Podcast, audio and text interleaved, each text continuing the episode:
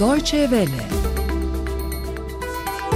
Alman basını Belarus'taki gösteriler ve Lukashenko'nun tavırları Alman basınında gündemde kalmaya devam ediyor değerli dinleyenler. Bunun yanı sıra koronavirüs krizinin ardından yaygınlaşan evden çalışma koşullarının kriz sonrası daha ne kadar devam edeceği ve salgın döneminde düzenlenen kalabalık katılımlı düğün ve eğlencelerin neden olduğu tehlike 25 Ağustos 2020 tarihli Alman gazetelerinde öne çıkan diğer konular.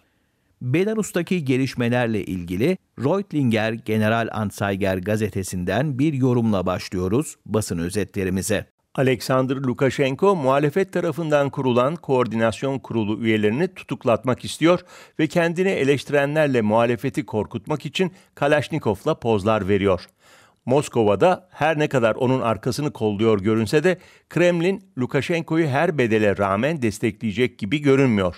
Minsk'teki diktatör son zamanlarda ticaret partneri ve hamisi olan Kremlin'i inkar etmeden bazı yaramazlıklar yapmıştı. Belarus Rusya'ya göbekten bağlı. Yine aynı konuyu ele alan Süddeutsche Zeitung ise Belarus'ta gerçek demokrasiye dönülüp dönülemeyeceğini şu satırlarla sorguluyor. Lukashenko muhalefetin iyi niyetine şiddetle karşılık verebilir.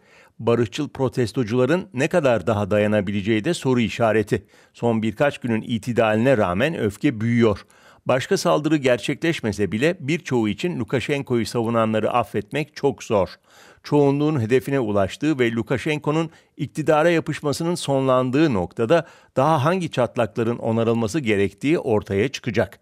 Ekonomi zayıflıyor, anayasa Lukashenko'nun iktidar iddialarına uygun bir zemin yaratıyor. Çeyrek asırdır Belarus'ta bağımsız ve demokratik bir seçim gerçekleşmedi. Koordinasyon kurulu üyeleri sadece bağımsız seçimler için değil, ayrıca kendi özgürlükleri için de savaşıyorlar. İkisi pazartesi günü tutuklandı. Sayın dinleyiciler pandemi sürecinde sıklıkla başvurulan uygulamalardan biri olan evden çalışma koşullarının daha ne kadar yaygınlaşacağı ve devam edip etmeyeceği Alman basınında etraflı bir şekilde sorgulanan konulardan biri. Frankenpost gazetesinin bu konuyla ilgili yorumu var sırada. Evden çalışma hakkını elde etmek için bugüne dek hep firmaların güvensizliğine karşı mücadele vermek gerekiyordu. Fakat şimdi korona krizi sonrasında tam tersi bir baskının oluşmamasına dikkat edilmeli. Milyonlarca insan dijital verimliliğin ne kadar iyi olduğunun farkına vardı. Bunu gerçekten seviyorlar mı? Her zaman değil. Özellikle haftanın 5 günü değil büro işlerine geri dönen otoparktaki iş arkadaşları bile bunu her gün yapmak istemiyor. Evde birkaç gün ve ofiste birkaç gün olarak çalışmak çoğu kişi için ideal çözüm olabilir. Bu belirlenmiş bir sonuç olmasa da krizden sonra şirketlerde önemli bir konu olacak. Sayın dinleyiciler kalabalık düğünler ve yine yoğun katılımlı eğlenceler özellikle pandemi döneminde büyük bir tehdit oluşturuyor bilindiği gibi ve konu sadece Türkiye'nin gündeminde değil Alman basını da meseleyi etraflı şekilde ele alıyor. Biz de son olarak Straubinger Tagblatt gazetesinden bu konuya dair bir yorum aktarıyoruz. Herkesin şunu anlaması gerekiyor. 100, 150 ve hatta daha fazla insanın katıldığı bir düğün bu aralar iyi bir fikir değil.